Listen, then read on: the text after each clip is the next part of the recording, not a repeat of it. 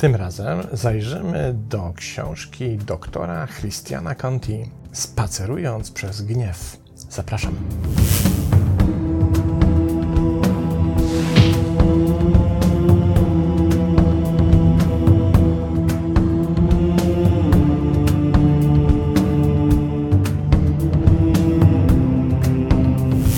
Jak zwykle spróbujemy dowiedzieć się czegoś o autorze. Dr Christian Conti jest licencjonowanym doradcą zawodowym i światowej sławy specjalistą od zarządzania gniewem. Specjalizuje się w pracy z osobami skazanymi za brutalne przestępstwa. Jest autorem, mówcą, osobowością radiową i telewizyjną. Dr Conti współpracuje również z najbardziej elitarnymi sportowcami i najlepszymi zespołami sportowymi w kraju. Prowadzi kanał na YouTubie i ma 95 tysięcy subskrypcji. To dane z dzisiejszego poranka, co skrupulatnie sprawdziłem.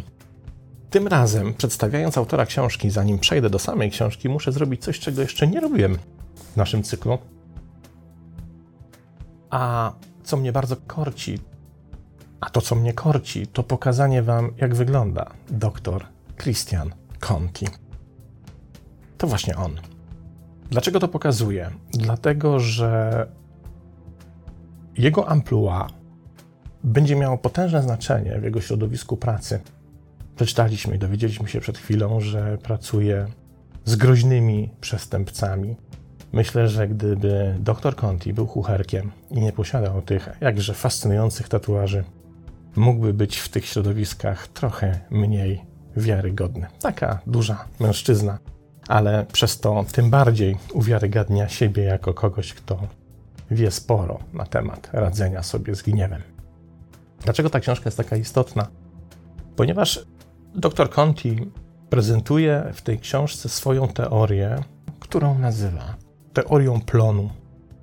Ten plon w domyśle, a przynajmniej tak jak ja go rozumiem, to kwestia tego, jaki efekt, czy też jaką konsekwencję możemy uzyskać, kiedy pracujemy z gniewem i podczas tej pracy zasiejemy odpowiednie ziarno. I dopiero wtedy, w zależności od tego ziarna naszej pracy z gniewem u innych ludzi, czy też u samych siebie, możemy spodziewać się określonego plonu. I cóż to jest teoria plonu? Przeczytajmy. Teoria plonu obejmuje ciągłą nawigację uwagi w kierunku drugiej osoby poprzez trzy główne działania: słuchanie, weryfikowanie i badanie opcji, co prowadzi prostą ścieżką przełamywania ich oporu, ich w rozumieniu tych ludzi, którzy nie radzą sobie z gniewem budowania w nich potencjału zaciekawienia i rozwiązywania swojego problemu, w przeciwieństwie do budowania ciągłego gniewu, konfliktu i agresji. I dalej dr Conti pisze: Możesz słuchać z pokorą, jak inni opowiadają ci o swoim gniewie. Możesz zweryfikować doświadczenia i emocje, którymi swój gniew opisują a potem możesz zbadać realistyczne opcje tego, co można zrobić, aby pomóc sobie od tej chwili, czy też pomóc tej osobie, która walczy z gniewem od tego momentu. Im więcej jesteś przywiązany do tego, że inni widzą to, co ty widzisz, lub do tego, że rzeczy idą w określony sposób, tym bardziej pomagasz innym uwolnić się od gniewu. To jest teoria plonu. Niezwykle ciekawe podejście, bo zwróćcie uwagę, o co w nim tak naprawdę chodzi. Kiedy spotykamy się z osobą zagniewaną, która sobie nie radzi z gniewem, z wybuchami złości, a czasem również z agresją, to pierwsze, co podpowiada nam logika naszego funkcjonowania i aktywności, jest uspokojenie tej osoby. Ale jednocześnie w tym uspokojeniu zawieramy zaprzeczenie jej gniewu. Czyli my, chcąc odwrócić tą sytuację, chcąc pokonać gniew, czy też pomóc komuś innemu poradzić sobie z gniewem, pierwsze co robimy, to zaprzeczamy powodom do gniewu danej osoby, a zatem negujemy jej emocjonalny stan. Conti mówi coś zupełnie innego. Nie przykładaj swojej własnej miary do cudzego gniewu, bo to jest cudzy gniew, a nie twój. Nie posługuj się swoimi własnymi oczekiwaniami co do rozwiązań gniewu u innej osoby, bo to jest gniew tej osoby, a nie twój. Im bardziej będziesz posługiwał się własnymi oczekiwaniami, im bardziej będziesz przywiązany do tego, jak Twoim zdaniem ta sytuacja powinna wyglądać, powinna zostać rozwiązana, co Twoim zdaniem było prawdziwym powodem gniewu, czy też nie, tym bardziej się będziesz oddalał od rozwiązania tego problemu. I tu nie chodzi o to, by wejść w środek tego konfliktu, który odczuwa wewnętrznie czy też zewnętrznie dana osoba i mówić jej, że oto ten konflikt jeszcze bardziej dzięki mojej obecności może urosnąć. Ale chodzi jedynie o to, by pozwolić jej powiedzieć, dlaczego odczuwa gniew, co jest powodem do tego gniewu, co jest jej zdaniem, a nie Twoim, źródłem jej gniewu, i dopiero wówczas, kiedy jej wysłuchasz, możesz podjąć weryfikację, czyli możesz sprawdzić wraz z tą osobą, czy te źródła są rzeczywiste, czy urojone, słuszne, czy niesłuszne, czy jak podaje fantastyczny przykład dr Conti, czy dotyczą rzeczywistości żywcem wyjętej z Twojego filmu rysunkowego, który rysujesz we własnej głowie, czy też ta osoba, czy też są to powody, źródła gniewu wyjęte z rzeczywistości. Ale bez wysłuchania emocji, racji, powodów, źródeł, nie jesteśmy zdolni do właściwej weryfikacji.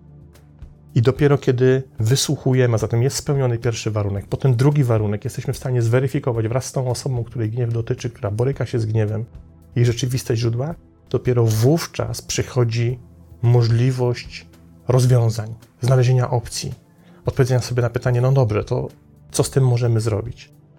W jaki sposób możemy posunąć sprawy do przodu, w jaki sposób możemy rozwiązać ten problem, konflikt, zażegnać, spowodować, by zniknął lub by osłabł.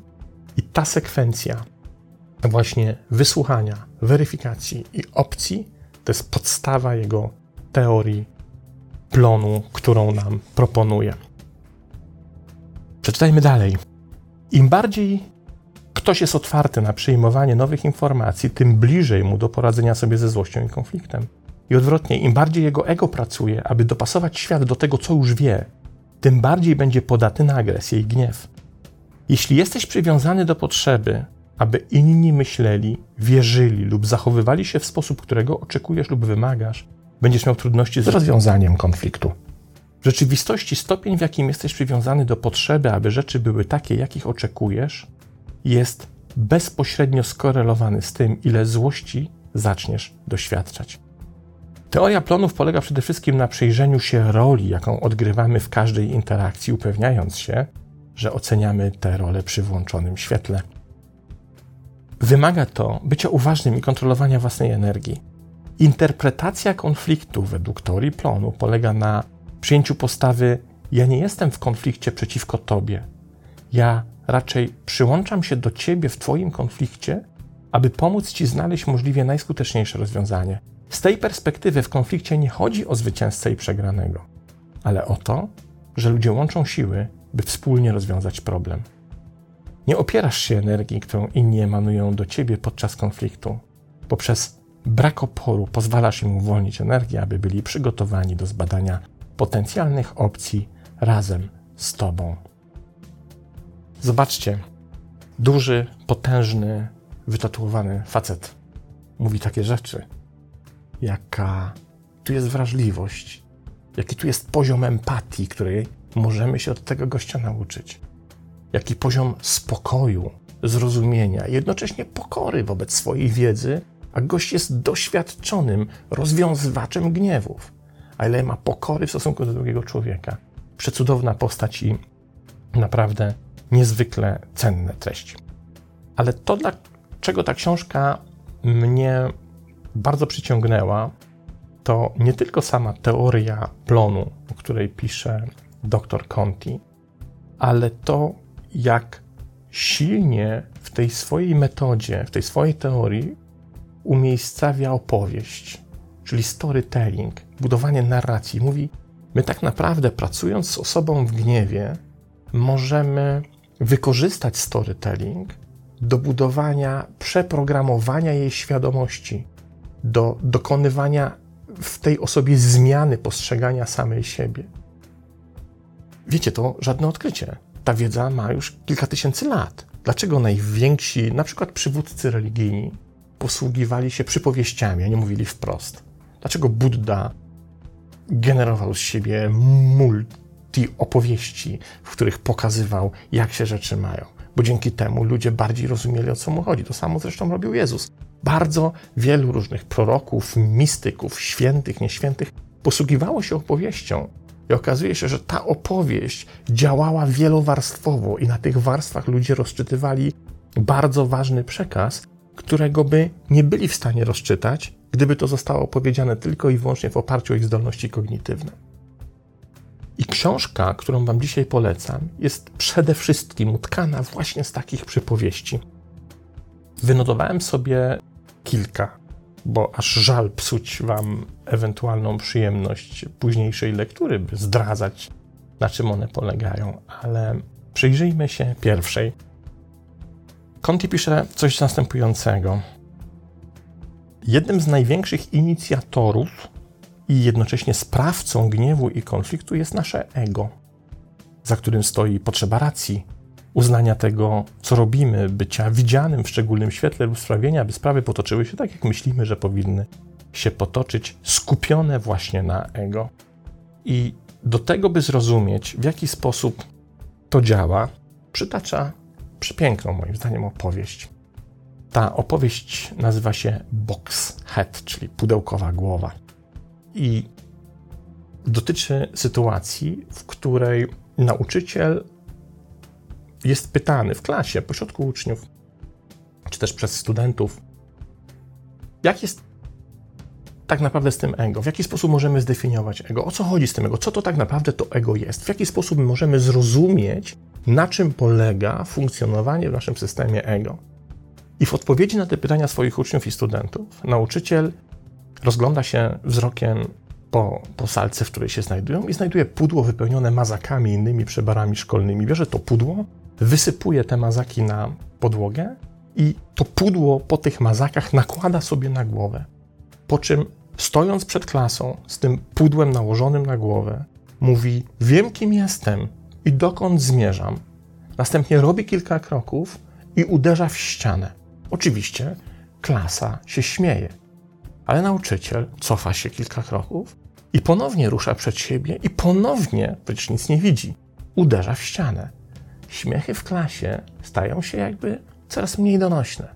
Ale nauczyciel robi to po raz trzeci. Znowu idzie w kierunku ściany i znowu przywala łbem o ścianę. I w końcu jeden ze studentów czy też uczniów mówi: Wie pan, to przestało już być śmieszne, to już nas przestało bawić. Dopiero wtedy nauczyciel zdejmuje to pudło z głowy i mówi: Widzicie, to pudło to jest ego. To pudło uznaje, że wie lepiej, mimo iż tak naprawdę zasłania nam oczy, zasłania nam wzrok.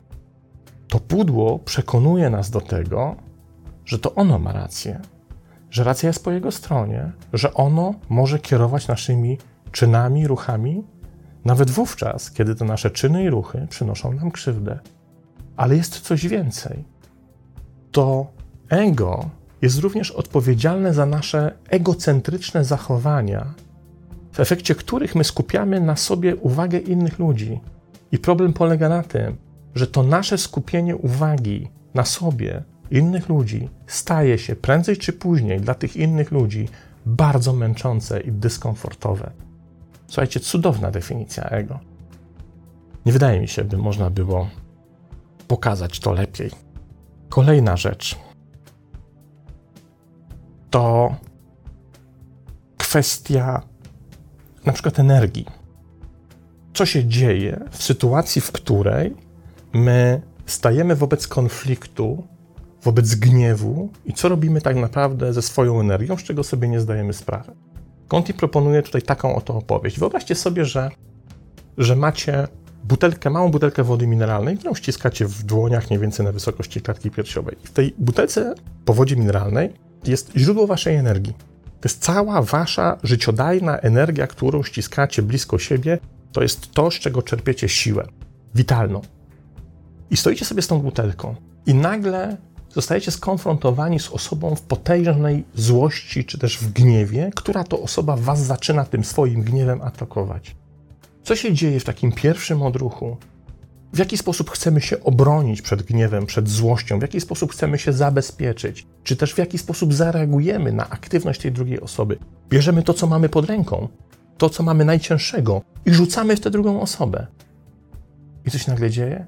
Właśnie w ten sposób pozbywamy się źródła naszej życiodajnej energii, bo to, co było jej źródłem, zostało ciśnięte w tą drugą osobę. I chcąc się obronić, tak naprawdę się odsłaniamy, stajemy się bezbronni, stajemy się pozbawieni energii, stajemy się pozbawieni witalności. Tak się kończy nasze nieumiejętne zaangażowanie w konflikt, w sytuację, którą determinuje gniew. I na koniec ostatni cytat. Jedynym sposobem na pokonanie konfliktu jest przejść przez to. Ignorowanie gniewu i konfliktu lub pragnienie ich pozbycia się nie sprawiają, że tak się stanie. Przejście przez złość można przeprowadzić na wiele sposobów, ale najskuteczniejszy z nich polega na przejściu, przeprowadzeniu się przez tę złość ze współczuciem, na spotkaniu tam ludzi w miejscu, w którym są. I zrobieniu wszystkiego, co w naszej mocy, aby spojrzeć na świat z ich perspektywy, a następnie wykonać ciężką pracę, by ominąć ich mechanizmy obronne, za którymi przecież stoi ego, i przemówić do nich w taki sposób, który sprawi, że zaczną nas słuchać. Idąc przez gniew, czy też spacerując przez gniew, tytuł angielski Walking Through Anger, idąc przez gniew, dr Christian Conti, 2019 rok, bardzo polecam książkę, naprawdę niezwykła lektura. Do następnego razu.